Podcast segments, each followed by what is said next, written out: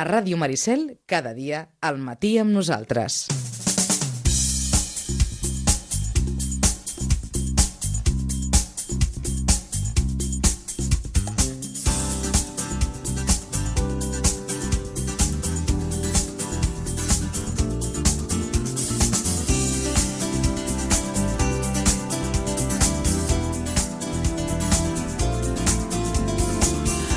Mateix les 10 i 57 minuts del matí. Toca fer, com és divendres, una mica de prèvia esportiva del cap de setmana i comencem amb una mica de noms propis perquè ho comentava en Vicenç, eh, tot just en començar amb el programa, la sitgetana, la jove sitgetana Martina Lázaro es va proclamar en el passat cap de setmana campiona de Catalunya Sub-12 per equips amb el seu actual club, el Club d'Escacs Valls. La Martina, que com saben es va formar aquí, a la penya d'escacs del Prado, va jugar al quart tauler i va fer una molt bona puntuació. Va sumar concretament 5 punts i mig dels 7 possibles. Felicitats, doncs, per la Martina Lázaro i bon paper també el que va fer l'equip sub-8 de la penya d'escacs del Prado, que va acabar en tercera posició d'aquest campionat de Catalunya que es va disputar, com dèiem, el passat cap de setmana a Lloret de Mar. L'equip sub-8 del Prado el formaven en Xavier Rosique, en Matías Stica i en Carlos Diana.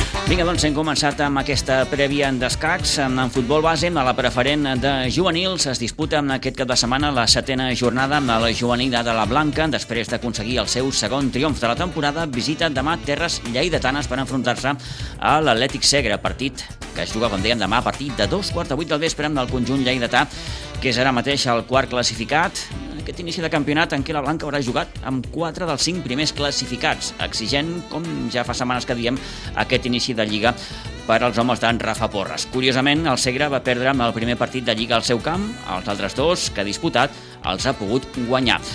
Aquesta és una miqueta la targeta de presentació d'aquest Atlètic Segre que, dèiem, demà s'enfronta al juvenil de la Blanca.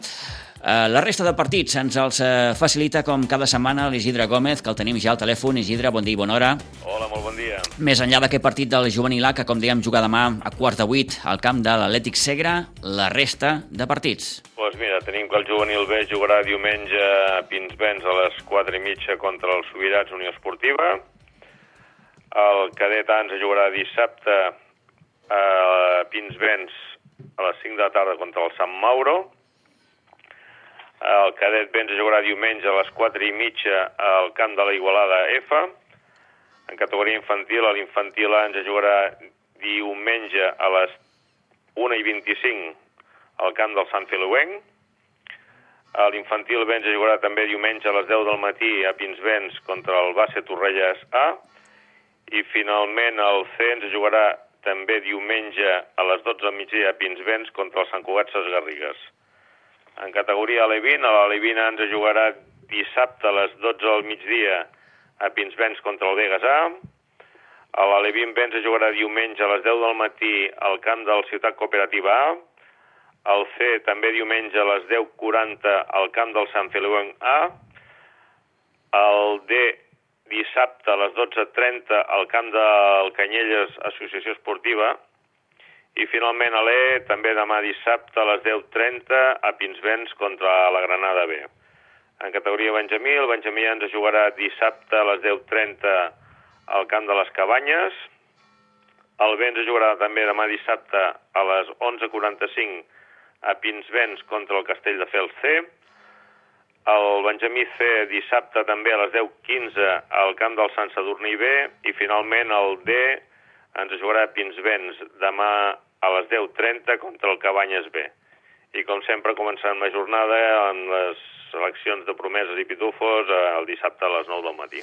Doncs fins aquí aquest repàs dels partits dels equips de la Blanca, com sempre en companyia de l'Isidre Gómez. Isidre, moltíssimes gràcies, bon cap de setmana i que vagi molt bé. Gràcies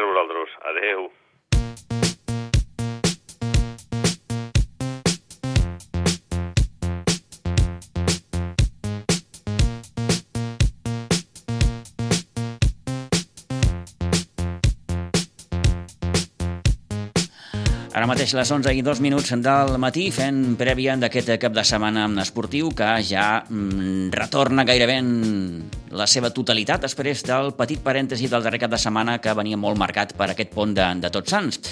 I posem aquí una mica d'actualitat de la Unió Esportiva Sitges perquè el club va anunciar ahir al vespre el fitxatge de José Joaquín Avellaneda José, un davanter amb experiència procedent del Molins de Rei de primera catalana que ha jugat, entre d'altres, amb equips com el Sant Boià i el Cornellà. Podria debutar demà, si així ho considerés oportú, Toni Salido, el tècnic, en el partit que l'equip jugarà al camp del Sant Vicenç dels Horts. Toni Muñoz, bon dia, bona hora. Bon dia, Pitu. Més pólvora per aquests Sitges? Sí, sí, més pólvora, més pólvora. Sí, sí, és un molt bon jugador. A més, és un jugador molt, ben, molt, molt rodat perquè té molt bona experiència. Té gol i, i té experiència, com dius. Sí, sí, correcte. I, a més, és un jugador doncs, que ha jugat ja un, a una sèrie d'equips, eh, uns quants equips, i on ell ha estat, eh, doncs, ha hagut gol, no? Ara, actualment, estava jugant a la primera catalana això vol dir que va ser una categoria més, la segona catalana, li pot anar amb ell la mar de bé. 11 i 3, eh, saludem Jordi Martínez, president de la Unió Esportiva Sitges. Jordi Martínez, bon dia i bona hora. Hola, bon dia. No sé si dir que aquest era un as en la manga. Bueno, no, eh, esperem, esperem que el tren ens doni la raó i que sigui, que sigui un bon as a la màniga, sí. Eh, eh el club es bueno, planteja amb aquest fitxatge una miqueta per les actuals circumstàncies, pel fet que algun jugador de la part del davant doncs, encara no, no, no, no ha pogut debutar, cas de, de, de Carlitos? Sens dubte, és, el motiu és aquest. Nosaltres eh, la pretemporada la, la teníem ben encarregada amb, amb cinc davanters de primera línia. El que passa és que el, en el darrer partit de pretemporada, el Carlos, que havia vingut fent uns partits molt bons, marcant molts gols, es va lesionar de gravetat, i, i en el segon partit de temporada, bueno, el descans de, de la primera part del segon partit es va lesionar el Victori, encara també té per unes quantes setmanes. Eh, el Carlos encara no, no tenim data, i si això fos una lliga de, de 34 partits, doncs, bueno, podies anar trampejant i fer de més i de menys i anar esperant, però ens trobem que aquest any amb el tema dels subgrups la, la competició es divideix en, en dos i llavors mm, clar, no, no, ara mateix ens fa falta, ens fa falta algun jugador davant perquè no podem esperar tant de temps. Mm, en qualsevol cas, llavors, la, la, Jordi, sí. La, la, la, mm. No, volia, volia preguntar, volia preguntar, perdona, eh, si, si eh, clar, el fitxatge de José entenc que és una, mm, una, una declaració d'intencions. Bé, de fet, la confecció de l'actual plantilla ja era una declaració d'intencions, que aquest any el Sitges eh, doncs, és, és un dels clars favorits a l'ascens bueno, no sé si la paraula favorita és la, la que toca. Sí que és veritat que nosaltres anem a lluitar per aconseguir els millors resultats possibles. El que passa és que, que clar, eh, durant l'estiu et penja el cartellet, però nosaltres sempre diem el mateix. Eh, Uh, falta veure els demés equips com, com s'està reforçant, perquè clar, això, quan, quan parles d'equips professionals, que tot surt per la premsa i la televisió, tothom coneix a tots els jugadors. Clar. En uh, aquestes categories no, llavors nosaltres podem fer els millors fitxatges que puguem i que tinguem la possibilitat i que els jugadors vulguin venir, però clar, sempre estàs pendent de, de que fins que comença la temporada i no es porten uns quants partits, no saps realment com s'han reforçat els rivals, que també pensen el mateix que nosaltres. Amb la qual bueno, la nostra intenció és lluitar partit a partit, com, com diu aquell, i intentar estar el més amunt possible. Fins ara la cosa està sortint bé, però eh, això no vol dir que, que tinguem reguanyat ni molt menys.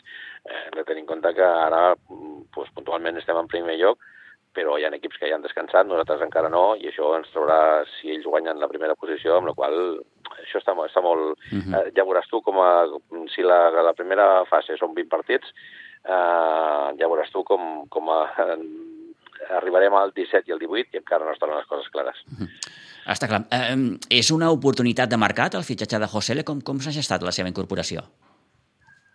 Bueno, eh, quan, quan eh, parlem amb el, amb el Toni eh, Salido i el, i el Sergio i, i plantegem la possibilitat de si, si ells creurien oportú algun reforç tenint en compte la, les baixes de llarga durada de Víctor i de, i de Carlos, doncs ens comencem a bellugar, el director tècnic, l'Àngel, eh, doncs, eh, bueno, utilitzant els seus contactes i els seus informes, doncs, eh, contacta amb, amb el José i surt la possibilitat de, de, bueno, de venir cap aquí. No, no hem de negar que, que té coneguts que s'han incorporat aquest any a l'equip i això ha facilitat moltíssim la, la incorporació perquè, bueno, perquè es coneixen i volen jugar junts i, i hem aprofitat aquesta circumstància per, per poder per poder incorporar-lo.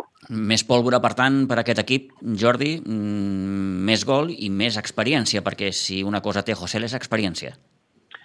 Sí, clar, està clar que, que nosaltres quan el que deia abans de que no coneixem perquè no tenim els mitjans, no coneixem a tots els jugadors de la comarca. Evidentment, cada any doncs, van incorporant gent, són jugadors joves, i es van donant a conèixer de lo que coneixem fins ara, doncs eh, aquí a la comarca doncs, no, no teníem possibilitat perquè ja estan jugant amb altres equips i ens hem hagut de, de desplaçar a la comarca. Eh, és veritat que hem tingut l'oportunitat de contactar amb el José i que és un jugador, evidentment, que, que bueno, per la xarxa es corren assistència d'ell al Cornellà contra el Real Madrid. Vull dir que són, és un jugador que té molta experiència i, i ha jugat en equips de tercera divisió i categories més altes que la nostra i, evidentment, és, és una persona que s'incorpora amb, amb un bagatge important, sí. Eh, I si el míster ho creu oportú, mm, podria debutar demà. Doncs sí, això. Eh, nosaltres hem fet la gestió el més ràpid possible perquè ja s'incorporés. Ahir ja va estar entrenant nosaltres i, i bueno, ara ja depèn del Toni que, i el Toni i el Sergio que, que vulguin, vulguin fer-lo debutar demà d'entrada, de, minut 20 o a la segona part o no, depèn mm. de com, com ells ho vegin. Eh, perfecte. Jordi, aprofitem que tenim el telèfon eh, per bé, eh, que ens comentés una miqueta com, com va anar aquesta assemblea que el club va celebrar ahir, la seva assemblea anual, una assemblea que va aprovar, doncs, entre d'altres, eh, el pressupost per a aquesta temporada i la incorporació també de, de quatre nous membres de Junta. Sí, sí, nosaltres eh, la, el grup de, de Junta, doncs, eh, per qüestions personals i professionals havia anat minvant.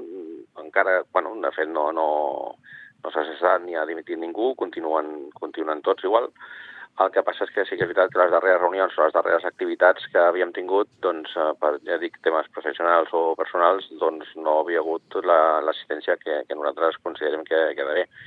Eh, llavors ens vam plantejar la possibilitat d'incorporar més persones són tots persones que ja estaven col·laborant amb, amb el club d'alguna manera i, l'únic que hem fet ha sigut oficialitzar una miqueta la seva col·laboració en incorporar-los a Junta, però ja estaven treballant nosaltres. Mhm. -huh.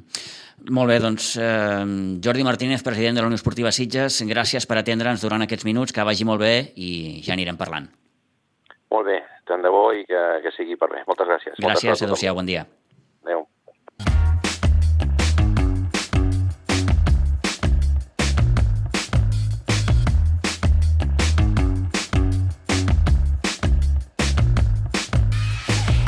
11 i gairebé 10 minuts del matí. Demà hi ha partit, demà hi ha partit perquè, com dèiem, la Unió Esportiva Sitges eh, intentarà sumar els 3 punts en la visita que farà amb el camp municipal de la Guàrdia, Sant Vicenç dels Horts, per enfrontar-se amb un Sant Vicenç que, recordem, va pujar la temporada passada com a campió del grup 8è de tercera catalana. Ara mateix és 8è a la classificació, suma 7 punts després de dos victòries, un empat i 3 derrotes. Al seu camp Comptabilitzem dues victòries, les que va aconseguir amb la Penya Jove i el Vistalegre, i una derrota davant l'Atleti Vilafranca. Aquesta és, Toni, podríem dir, aquesta tarja de presentació d'aquest recent ascendit, com el Sant Vicenç dels Horts, que va començar molt bé el campionat, ha perdut una miqueta de gas, com dèiem, però, però bé, mmm, visitar el Camp de la Guàrdia ja d'entrada és complicat. Sí, sí, molt complicat, perquè no ho coneixes, és un rival desconegut, saps eh, números que ha fet, eh, eh, i res més, no? Eh, i, I de fet són dos equips que, que li queda als Sitges per, per veure com són, no? El cas del Sant Vicent dels Horts i el cas de l'Espluguenc, no? Que són equips que el Sitges encara no ha jugat. Que I el encara... Cabrils, també. I, sí, però aquest ja sabem que està baix del tot, sí, sí, que sí, te sí, pot sí. portar problemes, però que ja no és un rival a tenir en compte. No? Correcte. Eh? Com pot ser el Sant Vicenç, que doncs, ha aconseguit bones victòries, o com pot ser l'Espluent, que porta ara dos derrotes consecutives, però que fins aleshores estava allà. No?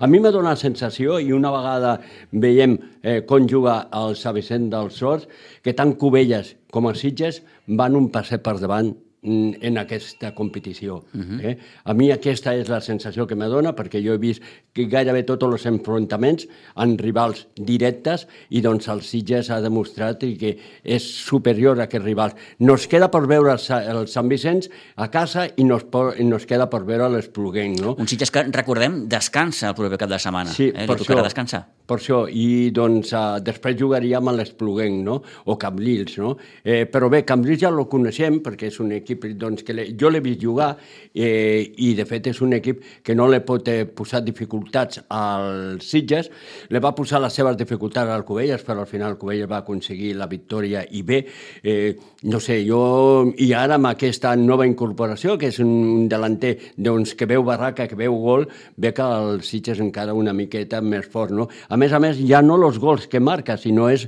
els gols que encaixa. El Sitges, eh, si no recordo malament, ha encaixat quatre gols, uh -huh. eh? en tot el que va de competició. I això vol dir molt. Són els tres de... que van queixar al camp Ah. de l'Ista Alegre i el que van queixar el dia del Gavà, només el del Cubelles. Que el Covelles, sí, sí, sí, cinc gols. Cinc gols. Cinc gols, mm. jo crec que és un bagatge important defensivament. Tan important és fer gols com no encaixar-los, sens dubte. Hem parlat eh, amb Lucas Cajes, amb porter, el porter, un dels dos porters, òbviament, de la Unió Esportiva Sitges. Amb ell hem fet repàs una miqueta de l'actualitat del primer equip i, bé, destacant així d'entrada el bon moment que viu aquest Sitges. Sí, sí, sí, la veritat és que sí.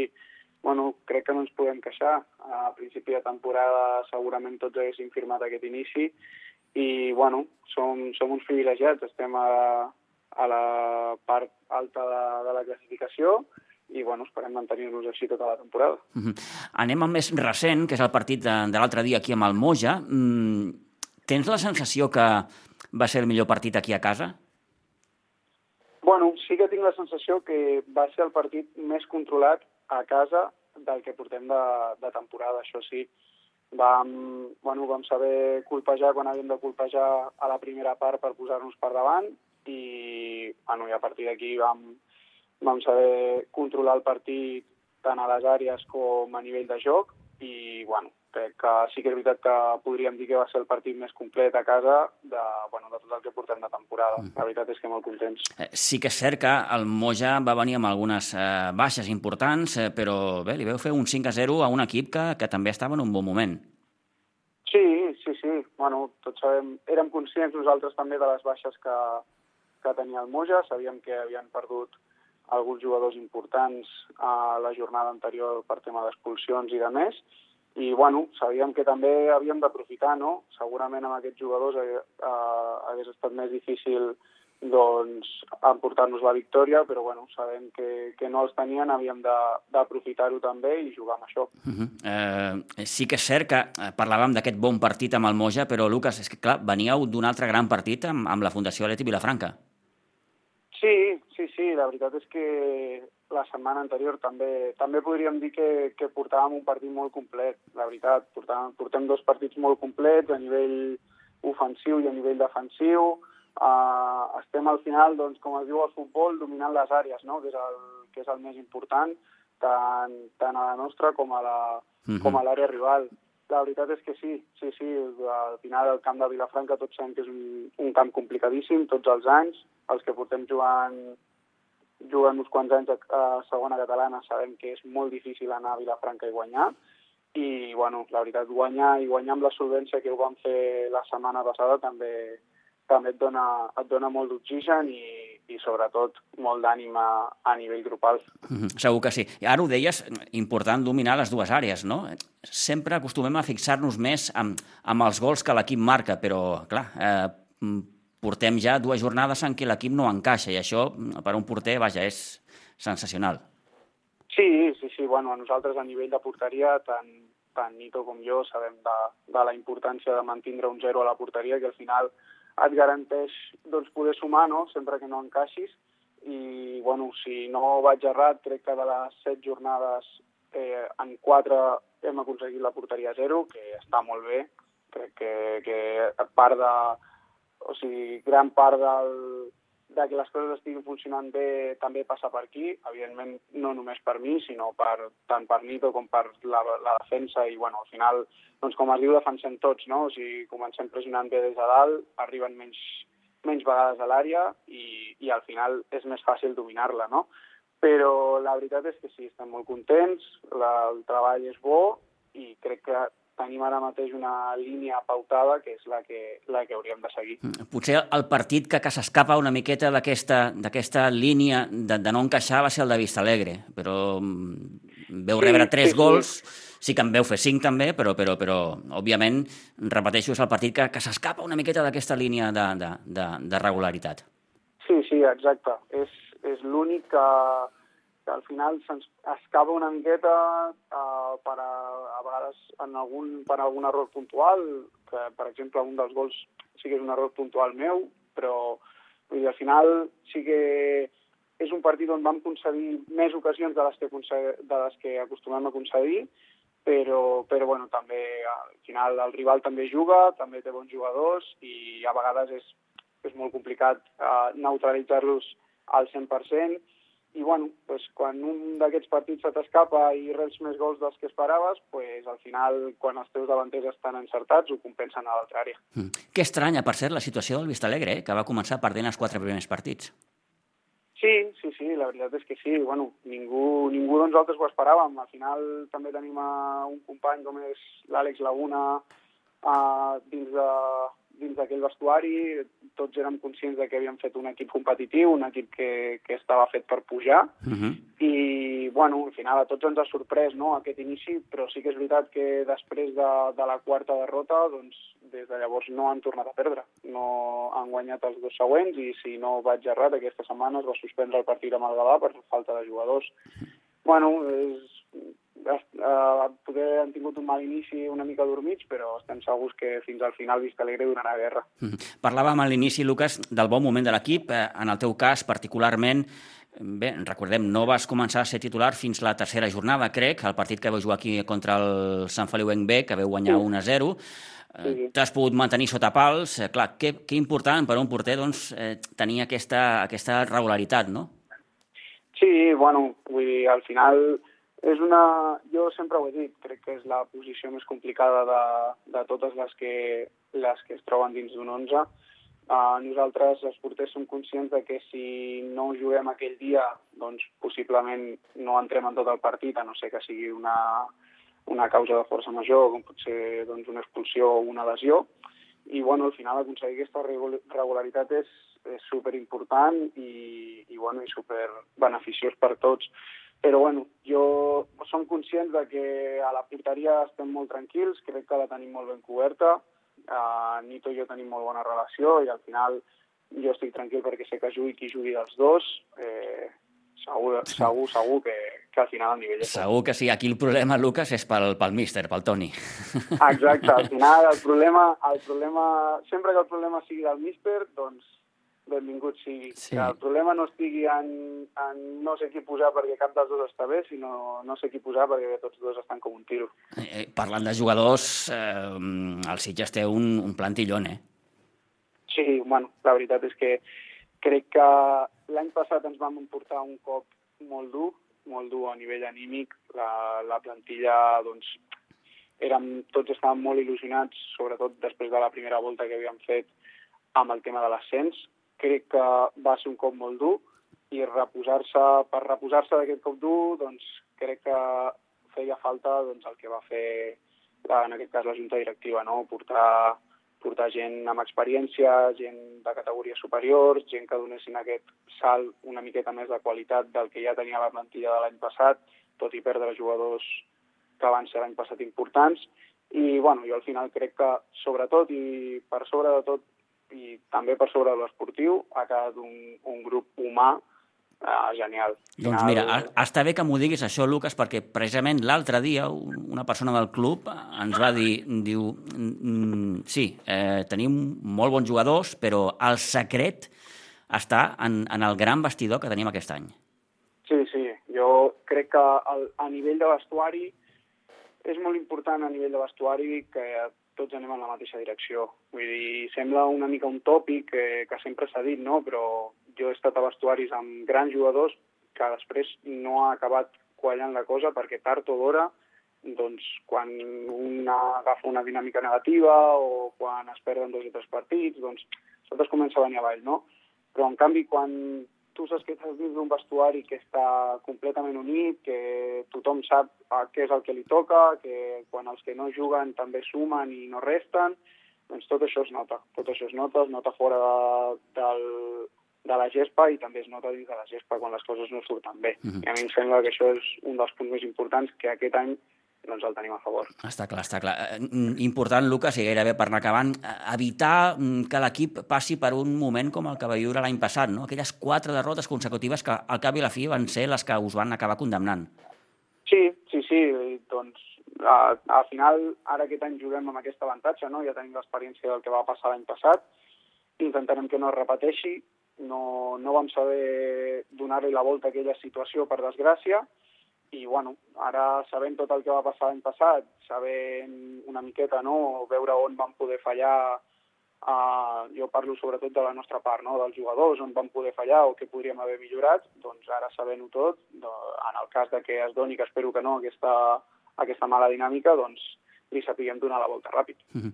Aquest any, aquesta temporada, Lucas, també es dona la circumstància que, que hi ha aquesta lliga que està una miqueta dividida en dos, no? Mm, una, un format de competició que obliga a estar molt fi durant tot l'any, gairebé. Sí, sí, sí. Bueno, i a, a més tenint en compte que els punts que generis a la primera volta, és a dir, a la primera fase, s'acumulen sí. per la segona fase que es juga després, doncs al final cada partit importa i no és el mateix i també ho parlàvem l'altre dia, no és el mateix guanyar 1-0 que guanyar 4-0, perquè els gols també compten i, i els punts compten i per més que eh, Déu vulgui d'aquí 10 jornades ja siguem primers i ja quedarem primers, doncs no importa perquè no és el mateix marxar amb 50 punts que marxar amb 57. Llavors, al final, eh, a, a aquest format de lliga deixa molt poc marge d'error i cada derrota es paga quasi el doble que una normal, Llavors, doncs, bueno, es tracta d'estar el més fi possible durant tota la temporada i, sobretot, de, de no baixar el peu de l'accelerador. Eh, fixa't, eh, sí que és cert que ara parlàvem del bon moment de l'equip, però fixa't també les primeres jornades, eh? L'equip generava un munt d'ocasions, però és que el gol es resistia. Sí, sí, sí. Bueno, a vegades passa, no? A mm. vegades generes moltes ocasions i doncs dona la casualitat de que en tens tantes que només n'acaba entrant un i sembla que hagis guanyat patint, i es donen altres partits com pot ser el de, el de Moja de la setmana passada, que pràcticament les dues que tenim les, les enxufem cap a dins. Llavors, bueno, tindrem partits de tot. Al final, el que, del que es tracta és de seguir generant aquestes ocasions, de que aquestes ocasions no faltin mai i, sobretot, bueno, sabent la qualitat i el nivell i el gol que tenim a la, a la part de dalt, doncs, mm. en aquest cas, podríem estar molt tranquils, la veritat. Et faig l'última, Lucas. Eh, sé que és un tòpic, eh, però mm, i tenint mm, clar que el Sitges és un dels favorits, pesa aquesta etiqueta? Bueno, mm, pesar tal com a pesar, no. Mm. Però, bueno, sí que és veritat que nosaltres sabem que uh, anem al camp que anem, doncs, uh, com aquell qui diu, ens estan esperant, no?, una mica. I al final també pràcticament cada partit d'aquesta temporada és un derbi, de la meitat dels partits són derbis i si no són derbis és un Sitges-Vilafranca que és pràcticament un derbi. Llavors, eh, bueno, sabem, sabem que, que ens estan esperant, evidentment, però bueno, tant, tant per lo bo com per lo dolent, no? Al final, eh, nosaltres hem de seguir treballant, hem de seguir en la mateixa línia, oblidar-nos de si som o no som uh, favorits per, per pujar i simplement demostrar-ho. I si realment som els favorits i ens mereixen pujar, doncs quedarà reflexat amb els números a final de temporada. Exacte, que la feina sigui dels altres. Per cert, ara sí, l'última. No hem parlat apenes dels rivals, eh, però de moment el Cubelles Castellà, l'Eti Vilafranca Castellà, el Gavà hi serà, el Vistalegre teòricament també ha d'estar competint per aquests primers llocs. déu nhi Sí, sí, sí, bueno, al final eh, el fet de dividir, de dividir la lliga que ja teníem l'any passat no, no ha fet que, que manqui el nivell. Eh, estem veient equips com el Cubelles que també està dalt i que també lluitarà segur perquè té molt bona plantilla, equips com el Gavà, Vista Alegre... Bueno, a mi em sembla que no, no ens podem adormir, no, no podem baixar, com deia abans, el to de l'accelerador, perquè tard o d'hora eh, equips que poder estan adormits es desperten i com ens enganxi a nosaltres adormits, llavors sí que, que ho passarem malament. Perfecte, Lucas, doncs agraïts de poder compartir aquests minutets amb, amb tu, que vagi molt bé i, i bona temporada, ja anirem parlant. Moltes gràcies a vosaltres, una abraçada.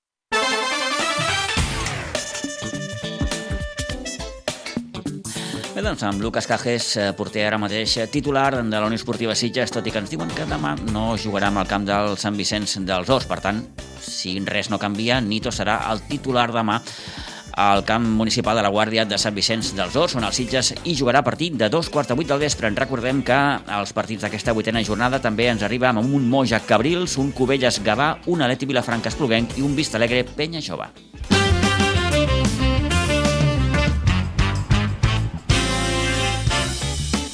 I a la tercera catalana també es disputa la jornada número 8. El Sitges B, després de l'empat a 0 del Bosc de Plaça davant el Club Deportiu Ribes, rep demà la visita del Torrellenc, partit que jugarà amb Aigua Dolça a partir de dos quarts de sis de la tarda. Un Torrellenc que ara mateix és setè a la classificació, suma 11 punts, 3 menys, per tant, que el filial del Sitges i és el segon equip que menys gols encaixa. Ha encaixat 7 gols, si fem la comparativa, l'equip eh, millor en aquest apartat és el Vilanova Camí, que només n'ha encaixat 5. Dels tres partits com a visitant, una victòria, un empat, una derrota i la referència més propera és l'enfrontament de la temporada passada. 3-2 va guanyar amb el Sitges B a Iguadols, 1-3 va tornar a guanyar el Sitges B a Torrelles. Torrellenc, Toni, que és un dels clàssics de la categoria. Sí, Visita sí. de Maiguadols davant aquest Sitges B, que de moment es manté en aquesta part alta de la classificació. Sí, a més un Sitges B que a casa l'ha guanyat tot eh? i l'ha guanyat molt bé, no? Eh, té, a casa està jugant molt bé el Sitges B. Eh, a, a Can Contrari també ha, ha, ha tret bon resultat perquè de fet van, van empatar el camp de la Granada i doncs uh, va empatar també la setmana passada al camp del Ribas. És un bon punt, eh, si considerem un... que és un derbi, que el Ribas també està en un bon moment. I que podria haver guanyat, eh, mm -hmm. perquè doncs, sobretot a la primera part el Sitges va poder, doncs, va tenir ocasions, eh, com a mínim dos o tres clars per, per poder-se haver posat per davant. Eh, és un Sitges que a casa juga força bé, eh, a, a fora tan sol ha perdut amb el Vilanova del Camí, el de més doncs, l'ha tret bé, i penso que és un Sitges que pot estar a dalt. Té molta pólvora a casa, aquí marca molts gols, de fet en dos partits va marcar 13 gols, eh, i això ho diu tot, no els dos últims partits que ha jugat aquí. Veurem què passa amb el Torrent, perquè és un equip que encaixa poc gols, que no està passant ara per el millor moment, perquè de fet les dues vegades que han sopegat ha sigut aquests dos darrers partits, i bueno, és un partit per tenir que lo va golejar el Sant Perro de Villas, uh -huh. eh, i això pues, marca una miqueta la trajectòria d'aquests dos últims partits del Torrellent, i veurem què passa, però jo veig més favorit al Sitges, sobretot aquí al municipal. Com diu el tòpic, hauràs de fer bo al punt que va sumar l'altre dia Ribes, guanyant mm. demà el Torrellenc. Sí, correcte, correcte, eh. és així, és així. El que passa que per ocasions, perquè un equip que pensaven que no tindria tant gol com l'any passat i, i resulta que té més gol, i sobretot a casa, jo crec que és un equip que, que serà un bon partit, que serà un partit per veure'l i que el Sitges mm, té, té, té molt, molt, molt que guanyar i poc eh, que, eh, que perdre perquè doncs, aconseguirà un bon resultat. A veure si és capaç el conjunt d'Àlex Villa de, de cantar la balança demà, com dèiem, aquest torrellenc que visita Aigua Dolça a partir de dos quarts de sis de la tarda. La resta de partits d'aquesta vuitena jornada són el Olivell de Capellades, les Cabanyes Vilanova del Camí, Riu de Villa, Sanoia, Bas Espirall, Atlètic Vilanova, Montserrat Igualada, la Múnia, la Granada, Badia del Vallès, Can Cartron, Ribes i Poble de Claramunt, Montbui.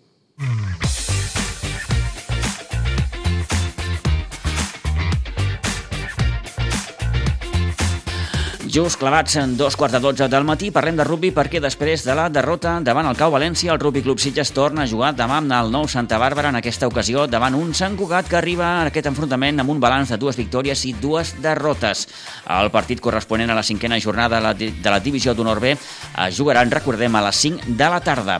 Pel que fa als equips eh, del Rugby Club Sitges, recordar també que el Sènior B eh, es desplaça demà a Monzón per jugar davant el Quebrantahuesos a partir de dos quarts de quatre, mentre que el sub-18 jugarà amb el camp del Buc demà a les 4 de la tarda. El sub-16 ho farà demà aquí a Pinsbens, davant l'Hospitalet a partir de les 3 i el sub-14 també juga a casa demà dissabte contra el Castelldefels a partir de la 1 del migdia.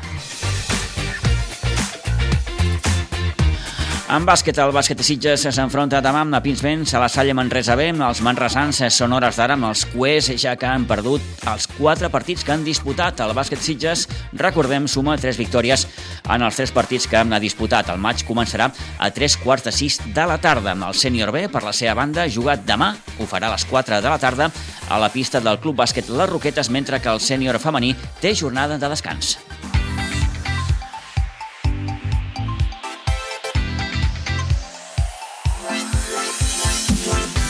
I en hoquei patins, també en aquest cap de setmana torna la competició d'hoquei patins i el Club Patí Subursitges es juga avui a partir de dos quarts de 10 a la pista d'una amposta que ara mateix és cué, amb només un punt. Els eh, sitgetans, el conjunt de Jofre Vilan, recordem, va guanyar el seu primer partit ara fa un parell de setmanes i sumen 3 punts. Són penúltims, malgrat tot, de la classificació. Com dèiem, juga avui a la pista de l'Amposta a partir de dos quarts de 10 de la nit. Pel que fa a la resta d'equips del Club Patí Subursitges, gairebé tots juguen fora en aquest cap de setmana. El Benjamí B ho farà Sant Sadurní davant el Noia demà a les 10, el Benjamí A a Barcelona davant el Congrés demà a 3 quarts de 2, el Prebenjamí ho farà amb la Vilanova davant el Club Patí Vilanova demà a les 10, l'Alevia a la pista del Cerdanyola demà a partir de les 3 de la tarda i l'Alevi B, que és l'únic que juga a casa, ho farà amb el Club Patí Vilanova demà a Pinsbens a partir de dos quarts de sis de la tarda.